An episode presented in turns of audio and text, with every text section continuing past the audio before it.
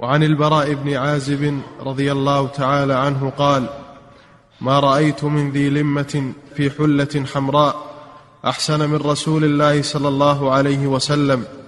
له شعر يضرب إلى منكبيه بعيد ما بين المنكبين ليس بالقصير ولا بالطويل.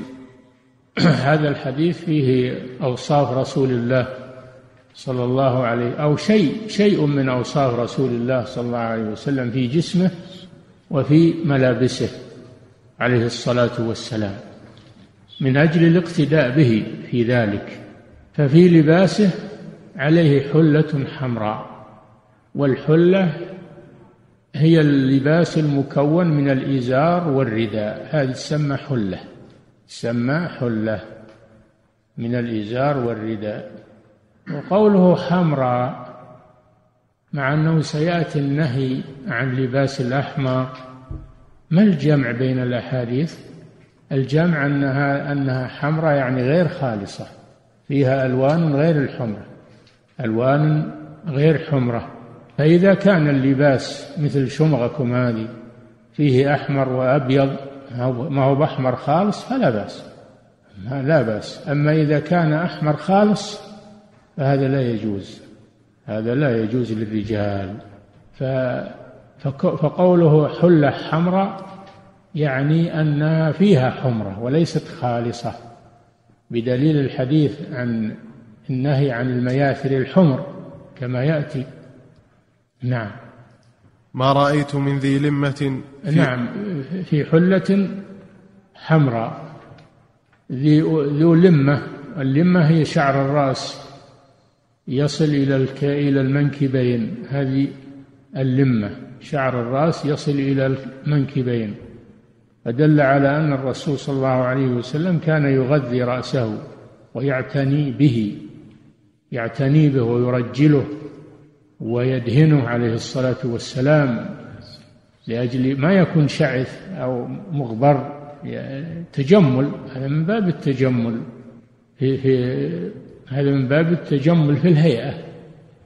فمن اقتدى بالرسول صلى الله عليه وسلم وغذى شعره على الصفة شعر رأسه غذاه على الصفة الواردة عن الرسول صلى الله عليه وسلم فهذا سنة. ولهذا يقول الإمام أحمد أن هذا سنة ولو نقدر عليه فعلناه لكن له مؤونة له مؤونة يحتاج إلى عناية ويحتاج إلى متابعة. وإلا من من أراد أن يقتدي بالرسول بصفة رأس شعر رأسه فليفعل. لا على الصفة التي يستعملها الناس والكفار والشباب الجاهل من اتخاذ الشعور على غير صفة شعر الرسول صلى الله عليه وسلم فهذا تشبه ولا يجوز. ما هو بكل من غذى راسه نقول لا اللي يغذي راسه على الصفة الواردة عن الرسول صلى الله عليه وسلم.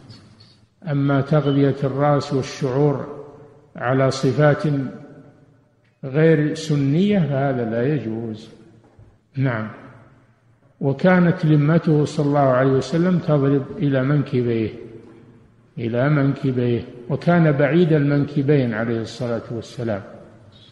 وكان عليه الصلاة والسلام آه، ليس بالقصير ولا بالطويل يعني ربعة من الرجال ربعة من الرجال لأن هذا أجمل ما يكون أن يكون الإنسان بين الطويل والقصير فلا يكون قصيرا فقط أو طويلا فقط وإنما يكون بين هذين.